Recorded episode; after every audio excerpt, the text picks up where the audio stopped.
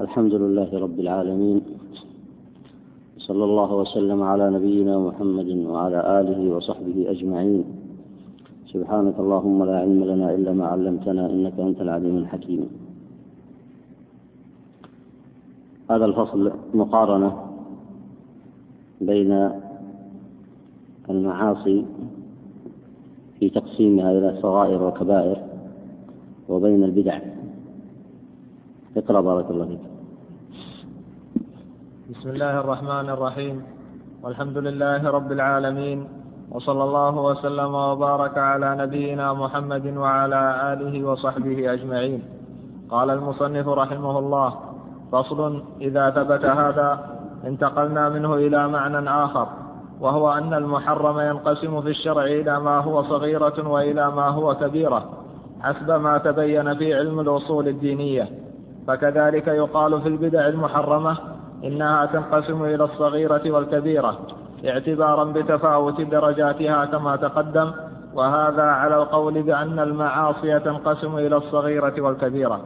وقد اختلفوا في الفرق بينهما على أوجه وجميع ما قالوه لعله لا يوفى بذلك لا يوفي بذلك المقصود. لعله لا يوفي بذلك المقصود على الكمال فلنترك التفريع عليه. نعم هو يشير الآن إلى بحثين عند أهل العلم. البحث الأول تقسيم المعاصي إلى كبائر وصغائر. وهذا مذهب أهل السنة فيه هو تقسيمها إلى كبائر وصغائر. ولهم في ذلك ضابط. ولهم في ذلك ضابط. واستدلوا على ذلك بقول الله تعالى إن تجتنبوا كبائر ما تنهون عنه نكفر عنكم سيئاتكم. وندخلكم مدخلا كريما. هذه الآية صريحة الدلالة على أن للذنوب كبائر أو على أن في الذنوب كبائر. وإذا اجتنبها الإنسان عبادة لله عز وجل وطاعة لله فإن الله عز وجل يكفر عنه صغائر الذنوب التي قال الله عز وجل يكفر عنكم سيئاتكم. البحث الثاني هل البدع تنقسم إلى نفس التقسيم أم لا؟ أما البحث الأول وهو تقسيم المعاصي إلى كبائر وصغائر فالمصنف هنا له فيه له فيه مدخل خاص به سيأتي كلامه فيه. لكن قوله وقد اختلفوا في الفرق بينهما أي بين تعريف الكبيرة وتعريف الصغيرة. فيقال نعم اختلفوا في هذا لكن المحققين من أهل العلم وضعوا ضابطا في هذا بينا. وإلا فإن تعريف الكبيرة والصغيرة اختلفوا فيه في تعريفات كثيرة.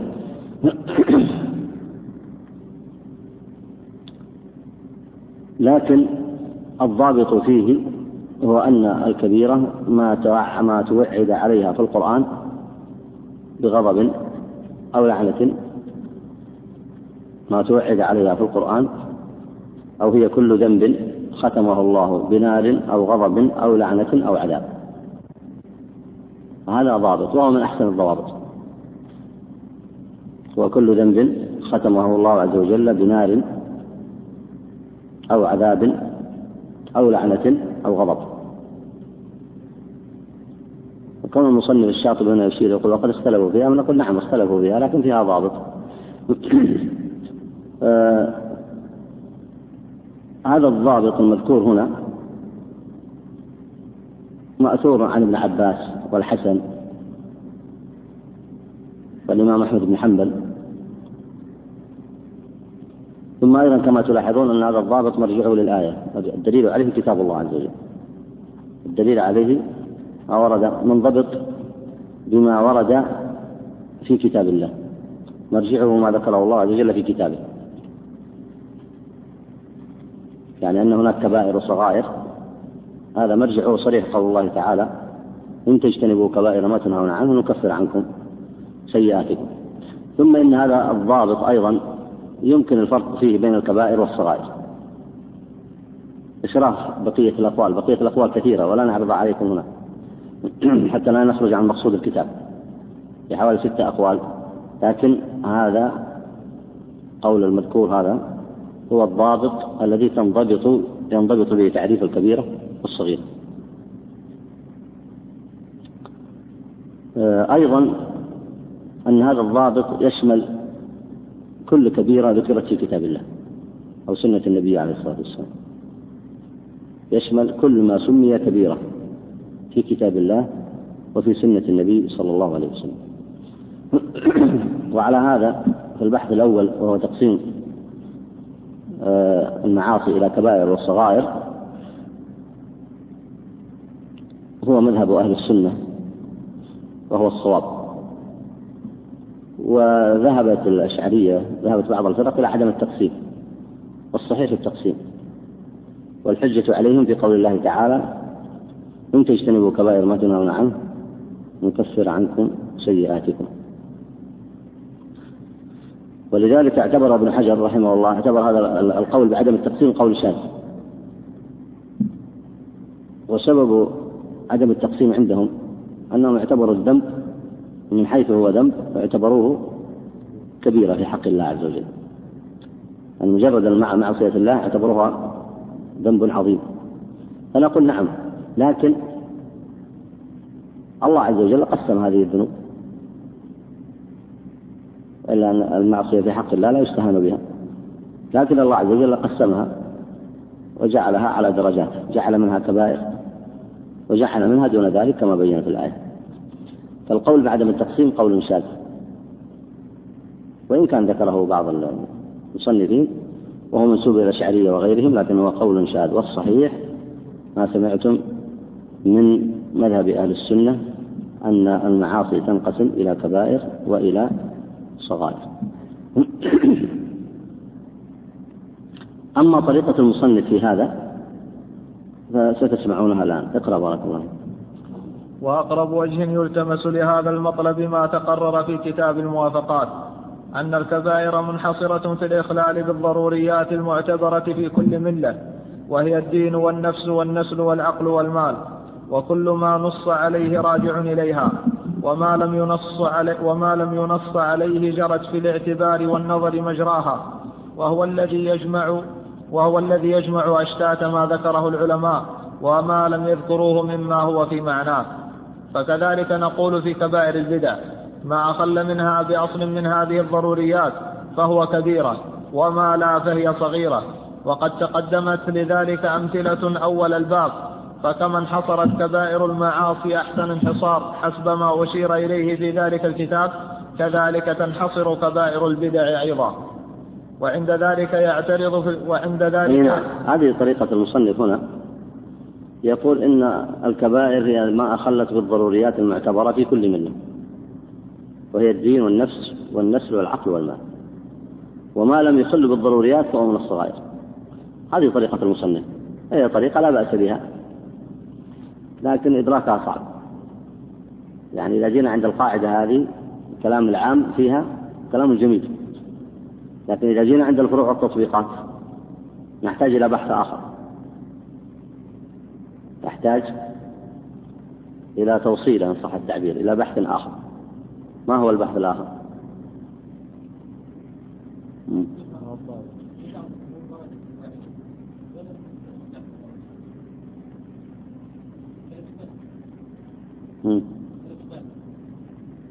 أي نعم. طيب. تحديد ضابط. اي نحتاج إلى بحث آخر في تحديد ضابط. نحتاج ضابط فيما هو في ما الذي يخل وما الذي لا يخل. وقد يقع اعتراضات مثل ما ذكرت. لكن نحن نحتاج حتى لو قبلنا هذا الضابط ما يكفي وحده. يقولنا الكبائر هي ما أخل بالضروري. الأول وهو الدين أو الثاني وهو النفس أو الثالث وهو العرض أو العقل أو أو المال. نحتاج إلى ضابط ثاني ونقول ما الذي يخل وما الذي لا يخل نحتاج إلى بحث ولا لا؟ نحتاج إلى بحث. ولذلك هذا الضابط أو هذه الضوابط يحتاج أن يتأملها آه، المتقدمون في العلم. وقد تنخرم في بعض الأحيان قد لا تنضبط. لكن التعريف الأول أسهل وأوضح وأبين. أنا أقول كبيرة هي كل ذنب ختمه الله. بنار الوعيد بالنار أو بلعنة أو بغضب أو بعذاب. وهذا لا شك أنه من أوضح الضوابط في هذا في هذه المسألة. وطريقة الشاطبي طريقة مفيدة لكن لا تحتاج إلى تفريع وتحتاج إلى آه، بحث آخر في بيان ما يخل وما لا يخل. نعم. وعند ذلك يعترض في المسألة إشكال عظيم على أهل البدع يأسر التخلص منه في إثبات الصغائر فيها. وذلك أن جميع البدع راجعة إلى الإخلال بالدين إما أصلا وإما فرعا.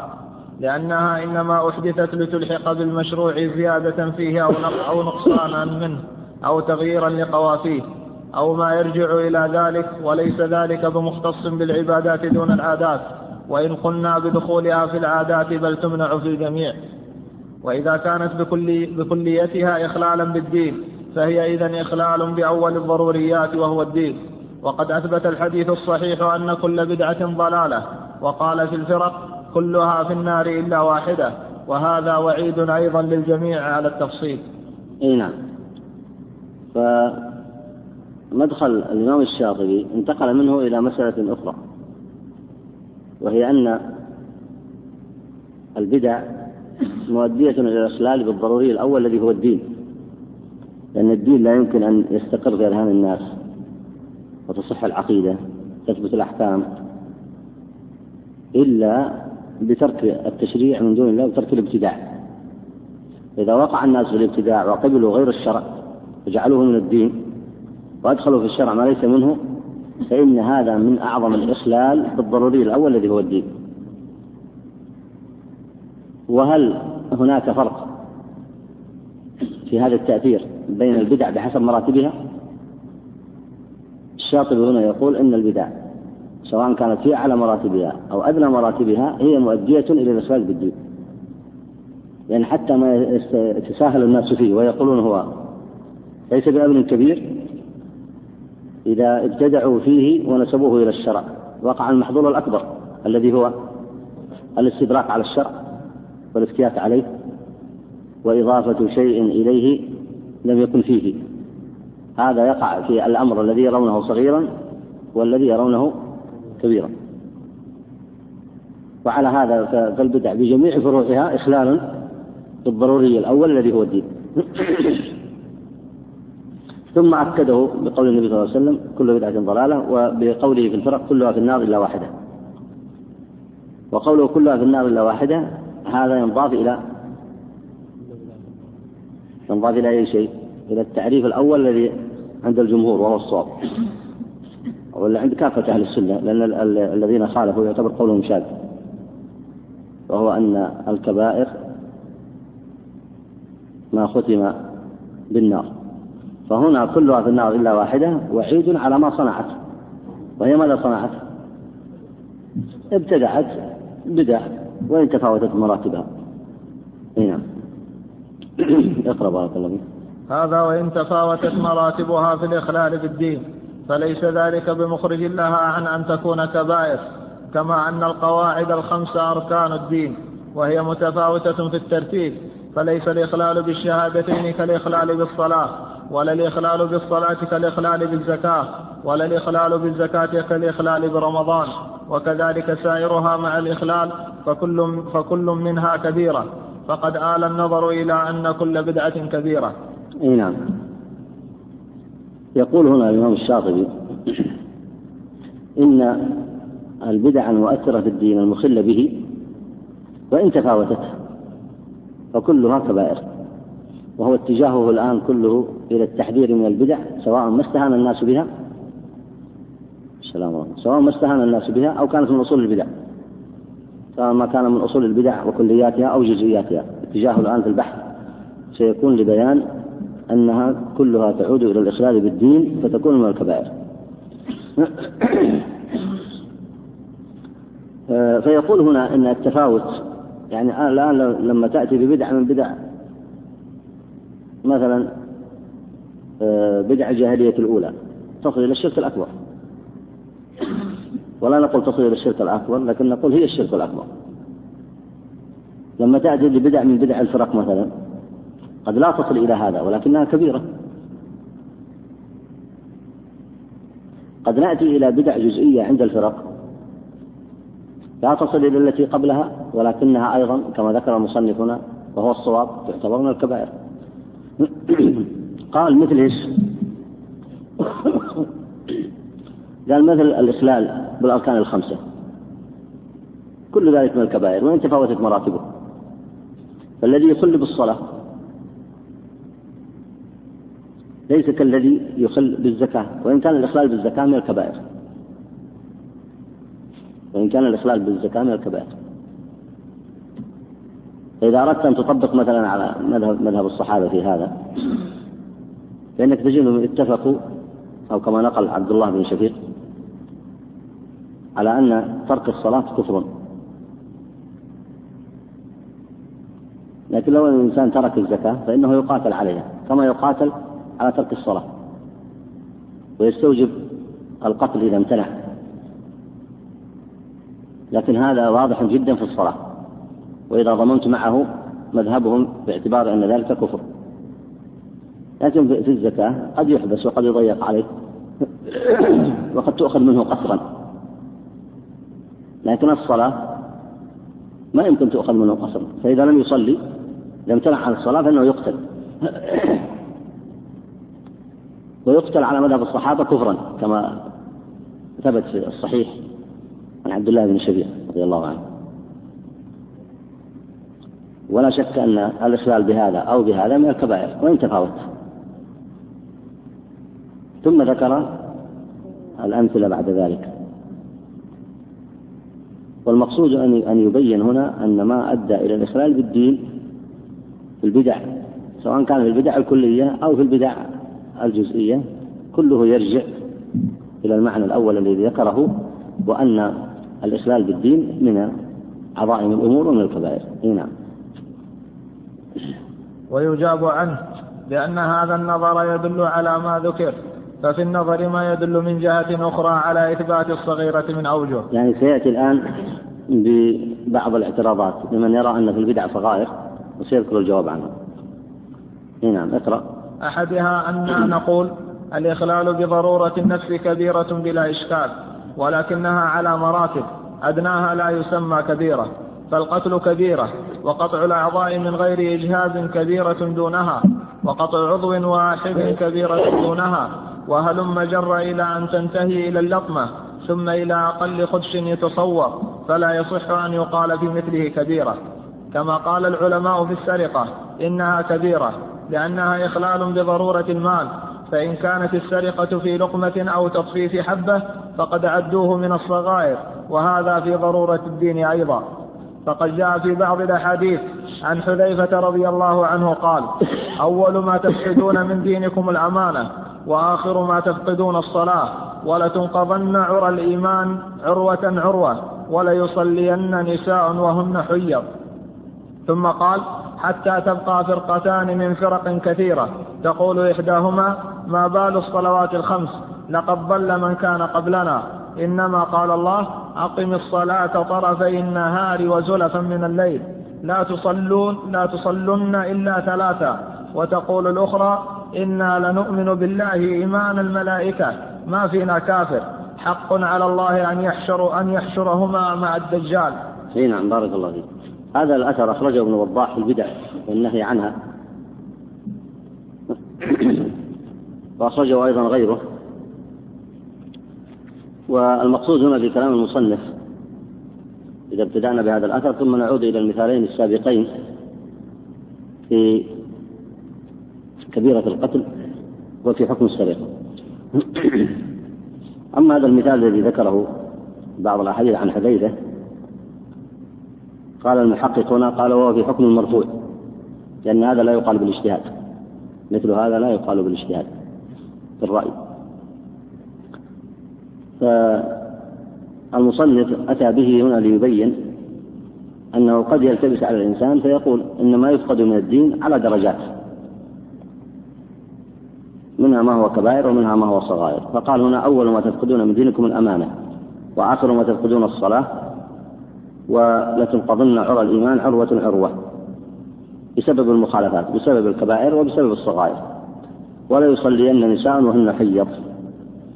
لهذا أورد المصنف هذا الأثر. لهذا أورد المصنف هذا الأثر بأن البدع التي تقع في هذه الأمة منها ما هو والمعاصي أيضا منها ما هو كبائر. ثم ذكر هذا الأثر ليبين الكبائر. ومنها فقد الأمانة ومنها فقد الصلاة ومنها نقض عرى الإيمان عروة عروة. ومنها أن يصلي بعض النساء يصلين بسبب الوسوسة احتياطا مع أن الصلاة لا تجب على المرأة لا تجب ولا تجوز لا تشرع للمرأة الحائض. يصلين آه، ابتداعا لظنهم أن الصلاة واجبة عليهم والصلاة ليست بواجبة عليهم. كما أنها لا تشرع لهن ويحرم على المرأة أن تصلي وهي حائض. لكن من باب الوسواس والاحتياط يصلين لجهلهن بالدين. ثم ذكر أيضا من من الابتداع هنا. الابتداع في الاكتفاء ببعض الصلوات. ومع هذه المخالفات البارزة الواضحة. يزعم هؤلاء أن إيمانهم كإيمان الملائكة. ما فينا كافر بزعمهم. وهذا هذا الأثر من الفوائد فيه أن الابتداع ينتشر في الناس حتى يضعف الدين وفيه أيضا انتشار فكر المرجئة. لأن هذا فكر فكر الإرجاء. وهي أن يميل الناس إلى تزكية أنفسهم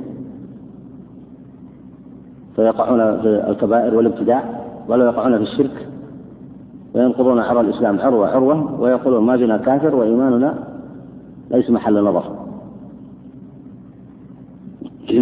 عياذا بالله. العقوبة التي ذكرت هنا قال حق على الله أن يحشرهم مع الدجال آه المثال الذي قبله مثال القتل. قال القتل في حد ذاته كبيرة وهو اعتداء على النفس الضروري الثاني.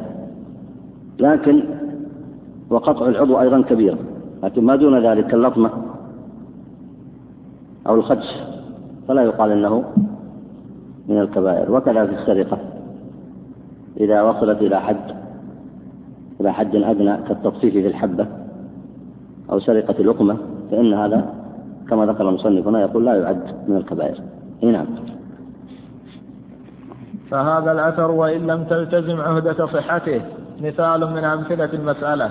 فقد نبه على أن في آخر الزمان من يرى أن الصلوات المفروضة ثلاث لا خمس وبين أن من النساء من يصلين وهن حيض.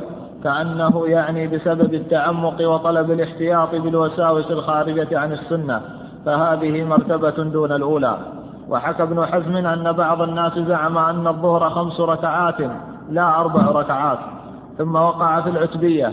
قال ابن قاسم وسمعت مالكا يقول أول من أحدث الاعتماد في الصلاة حتى لا يحرك رجليه رجل قد عرف وسمي إلا أني لا أحب أن أذكره وقد كان مساء مساء أي يساء الثناء عليه؟ قال قد عيب ذلك عليه وهذا مكروه من الفعل. قالوا ومساء أي يساء الثناء عليه. قال ابن رشد جائز عند مالك أن يروح الرجل أن الرجل الرجل قدميه في الصلاة.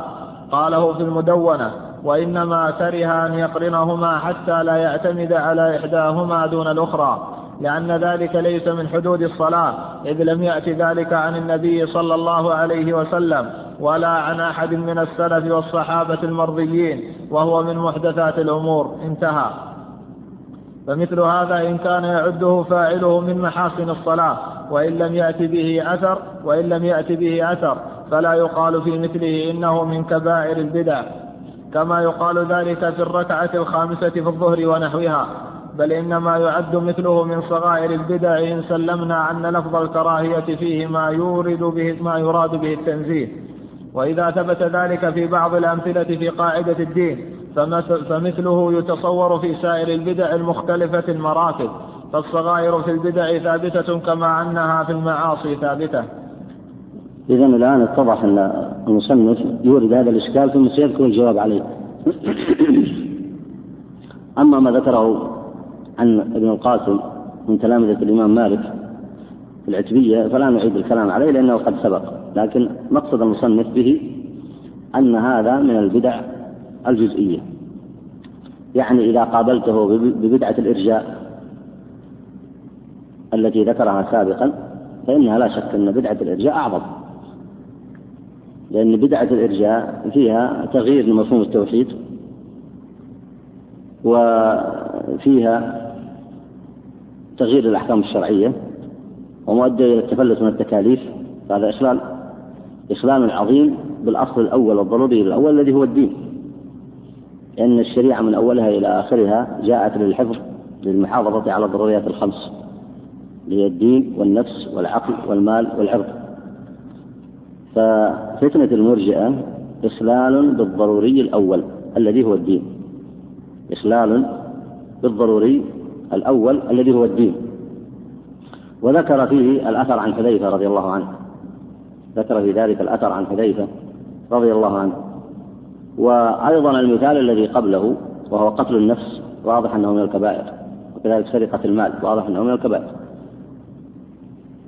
يقابل هذا الأمثلة التي ذكرها بعد ذلك كسرقة الحبة. كان يسرق حبة أو لقمة. فلا شك أن هذا ليس من الكبائر.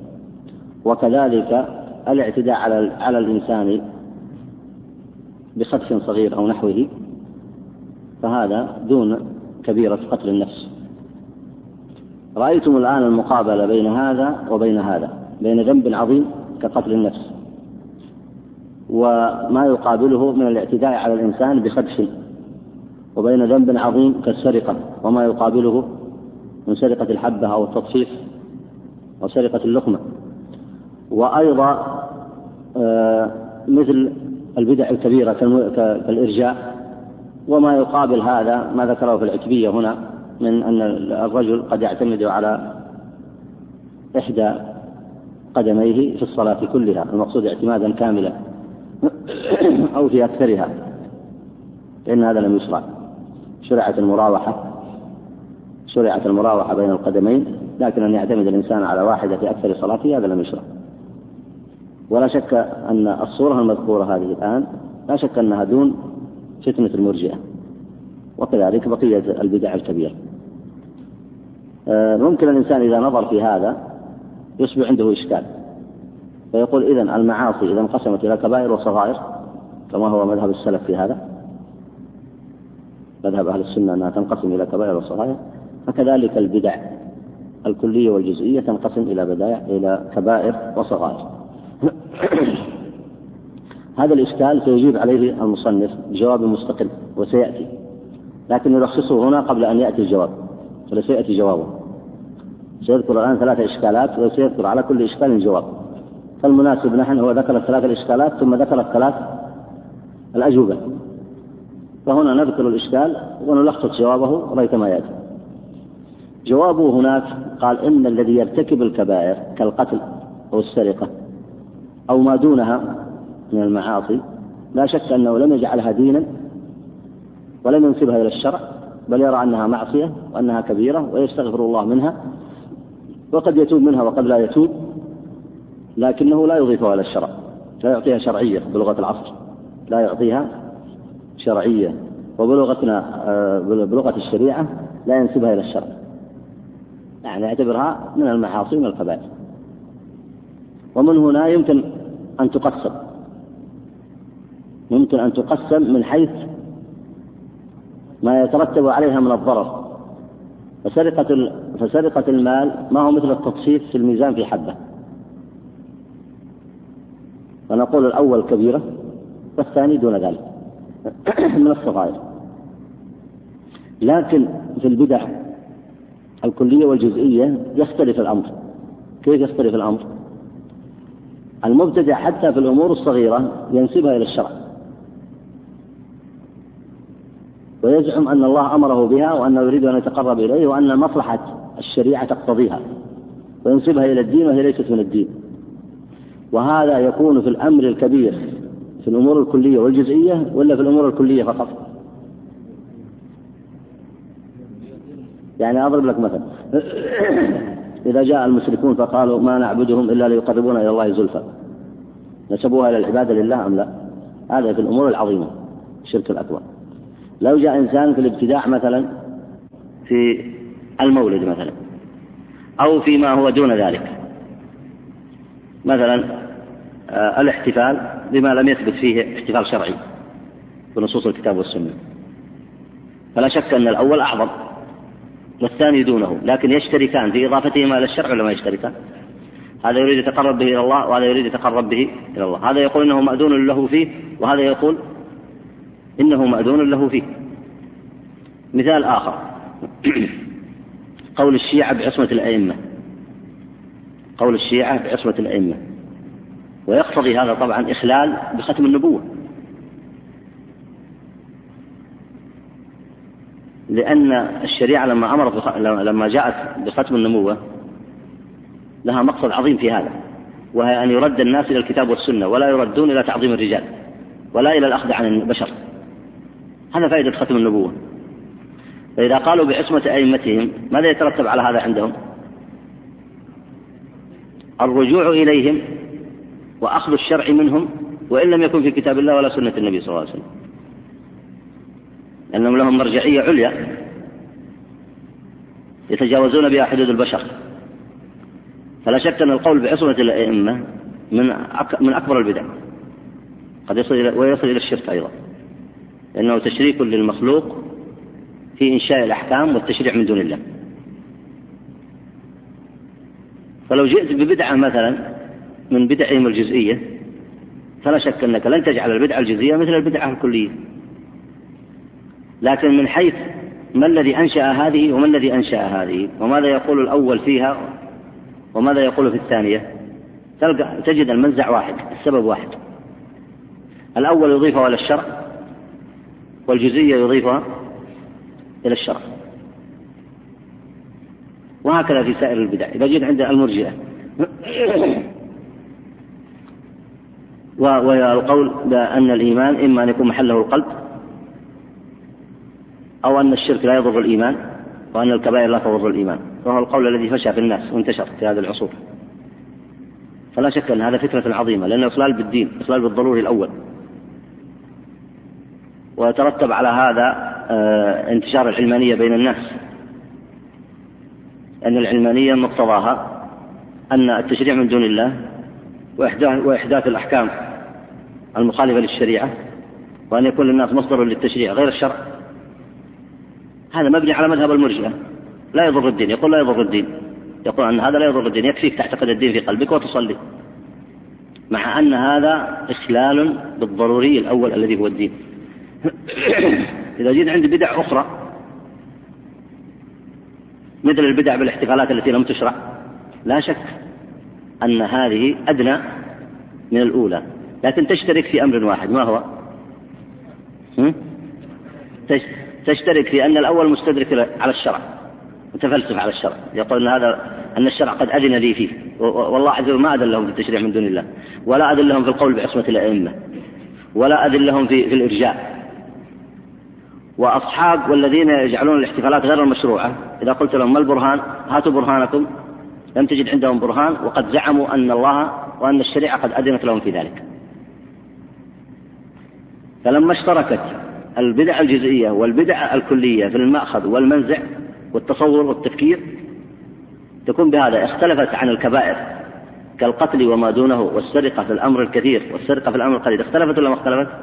اختلفت لأن صاحب الكبائر لا يقول أن هذا من الشرع بل يقول هذا معصية ولم يقل أذن لي فيه ولا يستدرك على الشرع بأي حال من الأحوال ولو استدرك واستحله تغير حكمه. فأما صاحب البدع سواء الكبيرة البدع الكلية أو الجزئية فترجع إلى معنى واحد وهو الاستدراك على الشرع. فإذا في فرق بين الأمرين كما ذكر الشاطبي هنا. نعم. يقرأ الإشكال الثالث. الإشكال الثاني. والثاني أن البدع تنقسم إلى ما هي كلية في الشريعة وإلى جزئية. ومعنى ذلك أن يكون الخلل الواقع بسبب البدعة كليا في الشريعة كبدعة التحسين والتقبيح العقليين وبدعة إنكار الأخبار السنية اختصارا على القرآن وبدعة الخوارج في قولهم لا حكم إلا لله.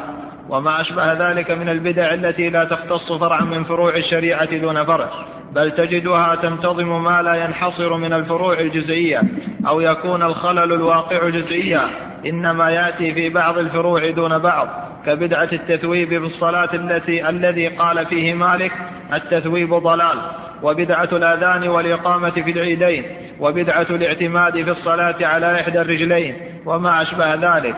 فهذا القسم لا تتعدى فيه البدعة محلها ولا تنتظم تحتها غيرها حتى تكون أصلا لها. فالقسم الأول إذا عد من الكبائر اتضح مغزاه وأمكن أن يكون منحصرا داخلا تحت عموم الثنتين والسبعين فرقة ويكون الوعيد الآتي في الكتاب والسنة مخصوصا به لا عاما فيه وفي غيره ويكون ما عدا ذلك من قبيل اللمم المرجو فيه العفو الذي لا ينحصر إلى ذلك العدد فلا قطع على أن جميعها من واحد وقد ظهر وجه انقسامها. أي نعم هذا إشكال آخر. وأما أمثلته فقد مضى الكلام فيها لأن الشاطبي ذكرها في أكثر من موضع. بدعة الأذان والإقامة في العيدين لأن الله عز وجل قسم الصلوات إلى قسمين قسم فيها نداء وإعلام وقسم لا ليس فيها نداء وإعلام لا تحتاج إلى نداء وإعلام. لأن الناس بطبيعتهم يتكاثرون عليها مثل العيدين. وما تحتاج إلى أذان ولا إقامة بخلاف الجمعة. وإنما هذا تعليل. لكن إذا رجعنا النصوص الشرعية وجدنا أن الصلوات منها ما له أذان وإقامة ومنها ما ليس له أذان ولا إقامة. بدعة الاعتماد في الصلاة على إحدى الرجلين قد مضى الكلام فيها. بدعة التثويب بالصلاة اللي قال الإمام مالك التثويب ضلال. وقد سبق الكلام فيها أيضا. وهي أن يقوم المؤذن بين بعد أن يؤذن وقبل أن يقيم في هذه العشر الدقائق أو الربع الساعة في كل دقيقة أو دقيقتين يقوم فينادي أيضا للناس يقول حي على الصلاة حي على الفلاح. يصير كم عمل قام به؟ أذن وأقام. وبينهما كرر ألفاظ الأذان والإقامة في مرات كثيرة. فقال الإمام مالك هذا التثويب ضلال. هذه البدعة منكرة من صاحبها. بقية آه، الأمثلة التي ذكرها أيضا سبق الكلام فيها. مثل إنكار الخوارج للتحكيم الذي ذكره الله عز وجل في قوله تعالى فابعثوا حكما من أهله وحكما من أهلها إن يريد إصلاحا يوفق الله بينهما. قالوا هذا لا يجوز وتركوا العمل بالآية وقالوا لا حكم إلا لله. وكذلك الحكم بين المسلمين عن طريق التحكيم والتحكيم لا كما فهمه الخوارج أنه رجوع إلى غير الكتاب والسنة. عندما نحكم رجلين أو قاضيين أو عالمين فإنما نقول احكموا بينهم بما في كتاب الله وسنة النبي صلى الله عليه وسلم. فالمقصود أن هذه الأمثلة التي ذكرت هنا قد يستشكل الإنسان منها فيقول مثلا إن منها ما هو من الأمور العظيمة جدا. ومنها ما هو دون ذلك مثل بدعة الأذان والإقامة في العيدين. وإذا أردنا أن نقتصر على مثالين للتوضيح فنقتصر على مثال مشهور مر معكم وهي ما يتعلق بصلاة العيدين. فيؤذن لها ويقام مع أنه ليس في الأصل أذان ولا إقامة. ثم تقدم الخطبة على الصلاة مع أن الصلاة إنما تكون تقدم ثم بعد ذلك الخطبة. فهذا تشريع زائد. هذا استدراك على الشرع. خذ بعد ذلك مثال من أمثلة البدع المشهورة. مثل بدعة نفي التحكيم أو ترك ترك العمل بخبر الواحد أو ما سبق من فتنة المرجئة أو ما يتعلق بعبادة القبور مثلا أو ما يتعلق بالمذاهب المنحرفة مثل التشريع من دون الله. لا شك أن هذا من البدع المشهورة. ومنها ما يصل إلى الشرك. النوع الأول والنوع الثاني إذا قابله الإنسان في ذهنه فسيعتبر النوع الأول من أي شيء؟ من أعظمها. والثاني كبدعة التثويب والأذان والإقامة في العيدين سيعتبره من الجزئية من أدناها. ومن هنا قد يتجه ذهنه إلى تقسيم البدع إلى صغائر وكبائر. لكن الشاطبي سيأتي معكم فيقول هذا يكون في المعاصي. أما في البدع فلا يكون التقسيم لماذا؟ يقول لأن في أمر مشترك. صحيح أن الأول أعظم والثاني أدنى لكن في أمر مشترك بينهم. ما هو الأمر المشترك؟ التشريع من دون الله والاستدراك على الشرع وأن يعطي الإنسان نفسه أحقية أن يزيد في الشرع ويشرع من عند نفسه. يقول هذا أمر مشترك. أمر مشترك بين هذه الأمثلة. فعلى هذا ليس في البدعة صغير. على هذا التقرير ليس في البدعة صغير بل كلها من العظائم عياذا بالله. لأنها لأن صاحبها ينسب إلى الشرع ما ليس منه. وتدخل تحت قول النبي عليه الصلاة والسلام كل بدعة ضلالة. هنا نعم.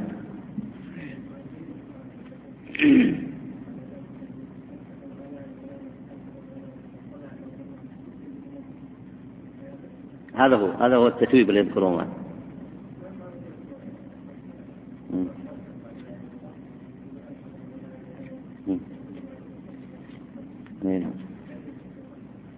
اي نعم التثويب اللي قال عنه مالك أنه ضلال هذا بألفاظ شرعية. أما هذا الذي عندك بألفاظ عامية وكلها واحد المعنى واحد. اي نعم. والثالث أن المعاصي قد ثبت انقسامها إلى الصغائر والكبائر. ولا شك أن البدع من جملة المعاصي.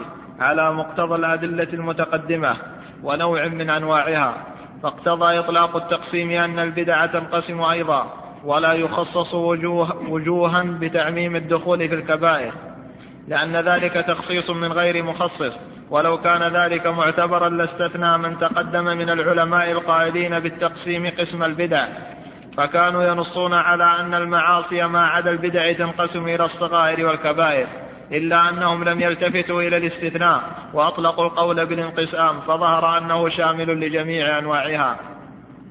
فإن قيل إن ذلك التفاوت لا دليل فيه على إثبات الصغيرة مطلقا وإنما يدل ذلك على أنها تتفاضل فمنها ثقيل وأثقل ومنها خفيف وأخف. والخفة هل تنتهي إلى حد تعد, تعد البدعة فيه من قبيل اللمم؟ هذا فيه نظر. وقد ظهر معنى الكبيرة والصغيرة في المعاصي غير البدع وأما في البدع فثبت لها أمران. أحدهما أنها مضادة للشارع ومراغمة له حيث نصب المبتدع نفسه نصب المستدرك على الشريعة لا نصب المكتفي بما حد له. والثاني أن كل بدعة وإن قلت تشريع زائد أو ناقص أو تغيير للأصل الصحيح وكل ذلك قد يكون على الانفراد وقد يكون ملحقا بما هو مشروع. فيكون قادحا في المشروع. ولو فعل أحد مثل هذا في نفس الشريعة عامدا لكفر. إذ الزيادة والنقصان فيها أو التغيير قل أو كثر كفر فلا فرق بين ما قل منه وما كثر. يلاحظوا هذا المعنى العقدي المهم. يعني الآن سيثبت المصنف أن الصغائر والكبائر التي يسميها الناس صغائر في البدع وليس في البدع صغائر حتى الذين يقولون كبائر وصغائر الحقيقة أن البدع ترجع إلى معنى مشترك آه، يخل بالضروري الأول الذي هو الدين. ولذلك أرجع الأمر إلى أمر عقدي. وقال أن الزيادة في الدين أو النقصان منه سواء بأمر كبير أو صغير قل أو كثر. هذه الزيادة كفر فلا فرق بين ما قل منه وما كثر. والأول الجواب الأول قال أنها مضادة للشارع ومراغمة له. يعني اللي بيزيد على الشرع سواء في أمور يظنها صغيرة. فإنها تعتبر مضادة للشرع ومراغمة له حيث نصب المبتدع نفسه نصب المستدرك على الشريعة. لا نصب المكتفي بما حد له فلم يكتفي بما ورد في الشرع بل زاد فيه. فسواء كانت هذه الزيادة يظنها سهلة أو ظن أنها كبيرة. ترجع إلى معنى واحد عظيم في الدين وهو الافتيات على الشرع. والافتيات على الشرع سواء في الأمور الصغيرة أو الكبيرة من العظائم. أي نعم. إذ الزيادة والنقصان فيها أو التغيير قل أو كثر كفر فلا فرق بين ما قل منه وما كثر. فمن فعل مثل ذلك بتأويل فاسد أو برأي غالط رأى برأي غالط رآه أو ألحقه بالمشروع إذ لم تكفره. لم يكن في حكمه فرق بين ما قل منه وما كثر لأن الجميع جناية لا تحملها الشريعة بقليل ولا بكثير. وهذا من أعظم الجنايات. هذا من أعظم الجنايات. وإذا أراد الإنسان أن يعرف عظم هذه الجناية بل يتذكر ما مضى في هذا الكتاب. وهذا البحث الذي ذكره المصنف هنا من أصعب البحوث. هذا البحث الذي ذكره المصنف هنا من أصعب البحوث يحتاج إلى زيادة مراجعة. المقصود إذا أراد الإنسان أن يعرف الجناية جناية البدع على الشريعة سواء في الأمور التي يظنها أهل البدع من الصغائر ويسهلون الأمر فيها أن جناية البدع على الشرائع على الشريعة أولا إذا فتح للناس كما هو الحال الزيادة في الشرع فمن المشرع حينئذ؟ المشرع الله عز وجل والمبلغ رسوله أم سيكون المشرع هم البشر؟ ولا شك أن هذا جناية عظيمة على الدين. وش يترتب عليها من حيث الواقع؟ يترتب عليها من حيث الواقع أن ليس عند الناس مرجعية محددة. حتى وإن قالوا الكتاب والسنة أو قالوا الإسلام. لكن لما تجد المرجعياتهم مختلفة. والسبب ما هو؟ يعني أكثر الطوائف الآن الذي في العالم الإسلامي المتحاربة المتقاتلة المختلفة. حتى في أصول الدين. كل أحد يقول مرجعية الإسلام لكن في الحقيقة هذه المرجعية لا أثر لها. لماذا؟ لأن كل أحد يزيد في الدين من عند نفسه ما يشاء. هذا هو أعظم الجنايات على الشريعة. ولذلك كثير من الناس ما يستطيع يعرف أو يحدد السبب العظيم الذي أدى إلى تفرق المسلمين. فهي منها أسباب دنيوية مادية. لكن السبب الأعظم هو أن كل فرقة أو طائفة تزيد في الدين ما تشاء وتنقص منه ما تشاء. ومن ومن ثم وقع الاختلاف المذموم. ومن ثم وقع الاختلاف المذموم. هذا من أكبر الجنايات من أكبر الجنايات على الشر وإذا رجعت إلى الجيل الأول الذي يذكر الناس أوصافه ومحاسنه واتفاقه كونهم أمة واحدة وأنهم نفعوا البشرية وأن الله نفع بهم البشر وهدى الله بهم العالم. لما تأتي لا تجد عندهم الخلاف الموجود عند المسلمين المتأخرين ولا تجد عندهم الجناية على الدين الموجودة عند المتأخرين. السبب ما هو؟ السبب أن الأولين لم يكونوا لهم مرجعية حقيقية غير الكتاب والسنة. إذا قالوا نرجع إلى الكتاب والسنة فهم صادقون. إذا قالوا نعمل بالإسلام فهم صادقون. إذا قالوا نحتكم إلى الشريعة فهم صادقون. والعالم كان مليء بالمناهج. العالم في عهد الصحابة. الفرس عندهم قوانين والروم عندهم قوانين والعالم عنده مذاهب فكرية وعنده عقائد عندهم أحكام مثل الآن موجود. لكن الصحابة والمسلمون ما كانوا يضعون مع الشريعة مناهج أخرى.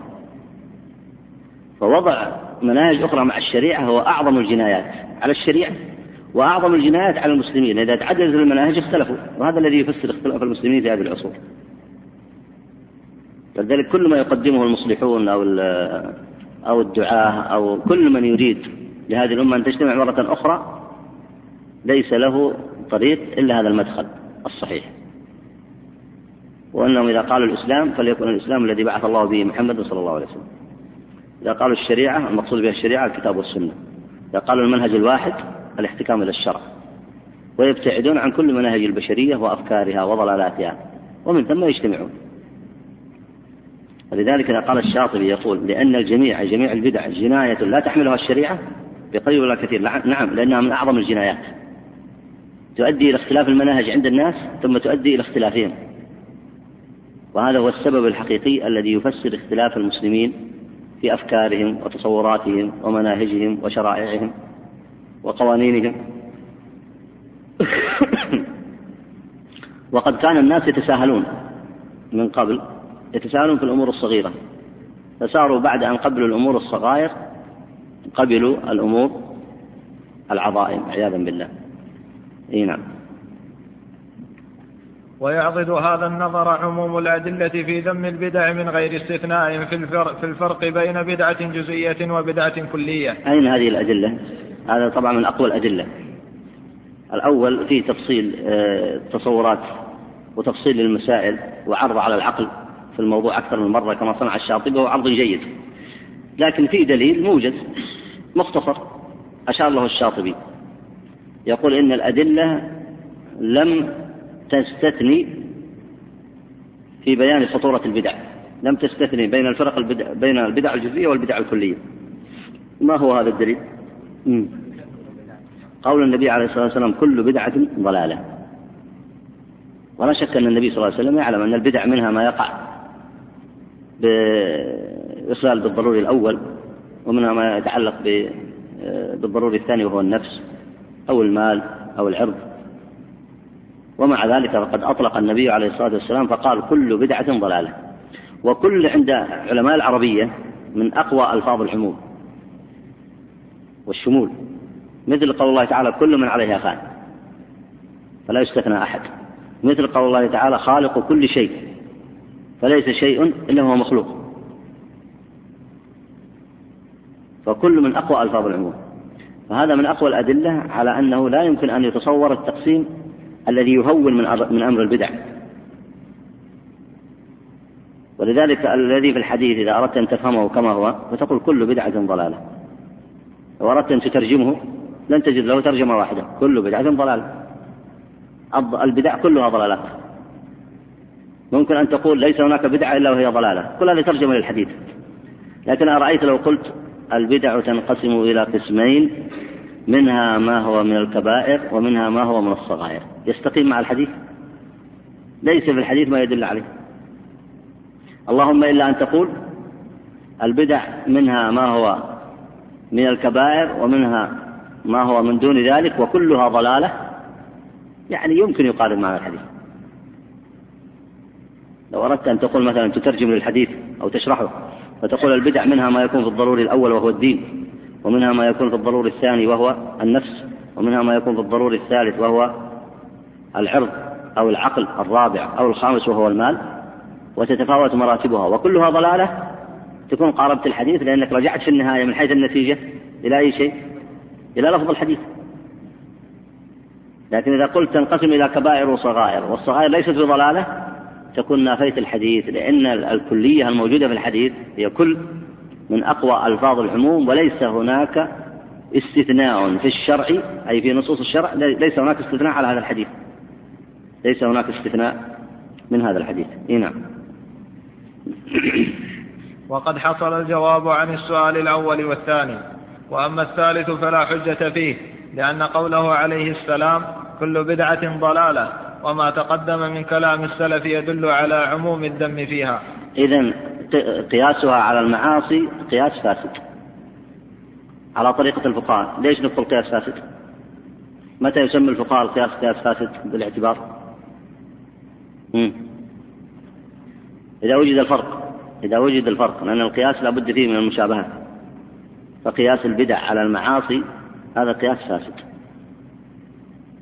لأن صاحب المعصية إذا قتل أو زنى أو سرق يعتقد أنه مخطئ ويرى أنها جريمة وقد لا يأتي بالعمل أصلا إلا وهو مستتر وحتى وإن كان مجاهر يعلم أنها معصية. وإذا استحل القتل والزنا هذا ينتقل من كونه معصية إلى أنه كفر والعياذ بالله. لكن إذا كان الكلام في حدود المعاصي فإنه يعتقد أنها معصية وأن فعله خارج عن الشريعة سواء عوقب أو لم يعاقب سواء تاب أو لم يتب. لكن المبتدع وش يعتقد في نفسه؟ ماذا يعتقد في نفسه؟ يعتقد في نفسه أنه صاحب علم ومتفلسف وأن أن هذا هو الحق والصواب وقد ينكر عليك أنت. يعني مثلا اللي بيعتقد اعتقاد الشيعة وش يعتقد في نفسه أنه على صواب. هذا مهم قياسه على صاحب المعصية غلط. قياسه على صاحب المعصية قياس مع الفارق واللي مثلا يركب مذهب العلمانية ويدعو إليه يعتبر أنه متطور يعتبر أنك أنت متحجر. فقياس العلماني على صاحب المعصية غلط. وكذلك اللي يطوف حول القبور يعتقد أنه ينتفع. وأنه يحب الصالحين وأنه يتقرب إلى الله عز وجل بعبادتهم ويود أنك أنت لو فعلت مثل فعله فهو مثل ما, ما هو مثل صاحب المعصية. فأدركتم الآن القياس صاحب البدع. على أصحاب المعاصي قياس مع الفارق. إذا كان القياس مع الفارق قياس فاسد عند الفقهاء. قياس فاسد. إي نعم. وظهر أنها مع المعاصي لا تنقسم ذلك الانقسام. بل إنما ينقسم ما سواها من المعاصي واعتبر بما تقدم ذكره في الباب الثاني يتبين لك عدم الفرق عدم الفرق فيها. وأقرب منها عبارة تناسب هذا التقرير أن يقال كل بدعة كبيرة عظيمة بالإضافة إلى مجاوزة حدود الله بالتشريع إلا أنها وإن عظمت لما ذكرناه فإذا نسب بعضها إلى بعض. تفاوتت رتبها فيكون منها صغائر وك... صغار وكبار. إما باعتبار أن بعضها أشد عقابا من بعض فالأشد عقابا أكبر مما دونه. وإما باعتبار فوت المطلوب في المفسدة فكما انقسمت الطاعة باتباع السنة إلى الفاضل والأفضل لانقسام مصالحها إلى الكامل والأكمل. انقسمت البدع لانقسام مفاسدها إلى الرذل والأرذل والصغر والكبر من باب النسب والإضافات. فقد يكون الشيء كبيرا في نفسه لكنه صغير بالنسبة إلى ما هو أكبر منه. وهذه العبارة قد سبق إليها إمام الحرمين. لكن في انقسام المعاصي إلى الكبائر والصغائر فقال المرضي, المرضي عندنا أن كل ذنب كبيرة وعظيم بالإضافة إلى مخالفة الله. ولذلك يقال معصية الله أكبر من معصية العباد قولا مطلقا إلا أنها وإن عظمت لما ذكرناه فإذا, فإذا نسب بعضها إلى بعض تفاوتت رتبها ثم ذكر معنى ما تقدم. هذا الكلام سبقت الإشارة إليه كلام الجويني إمام الحرمين. لأن المعاصي لا تنقسم إلى كبائر وصغائر. هذا خلاف مذهب أهل السنة. عندكم الآن بحثان. هذا البحث يحتاج منكم إلى عناية لما فيه من الصعوبة. هذا كتاب الشاطبي فيه مناطق سهلة ميسرة. كما, أنك لو ضربت في الأرض فتجد مناطق سهلة ميسرة وفي بعض المناطق جبال وعرة هذا البحث فيه صعوبة. فعندكم بحثان. البحث الأول انقسام المعاصي إلى صغائر وكبائر. هذا مذهب أهل السنة وهو الصواب. وأما كلام الجويني رحمه الله في آه، البرهاء في الإرشاد آه، فإنما أراد أن يعظم الذنوب يقول الذنب في حق الله عظيمة من العظائم لكن يقول الله عز وجل قسم الذنوب إلى صغائر وكبائر. قال الله عز وجل إن تجتنبوا كبائر ما تنهون عنه نكفر عنكم سيئاتكم.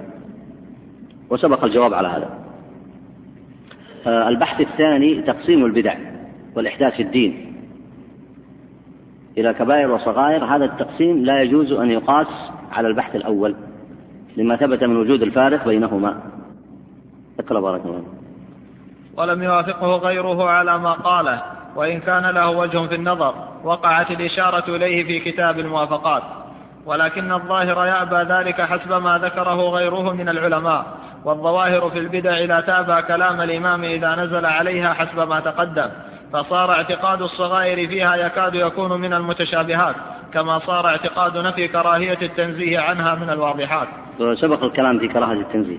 هنا فليتأمل هذا الموضع أشد التأمل ويعطى من الإنصاف حقه ولا ينظر إلى خفة الأمر في البدعة بالنسبة إلى صورتها وإن دقت بل ينظر إلى مصادمتها للشريعة ورميها لها بالنقص والاستدراك. أي تأمل تأملوا هذا المعنى فإنه مشترك بين من يبتدع في الأمور الكلية أو في الأمور الجزئية.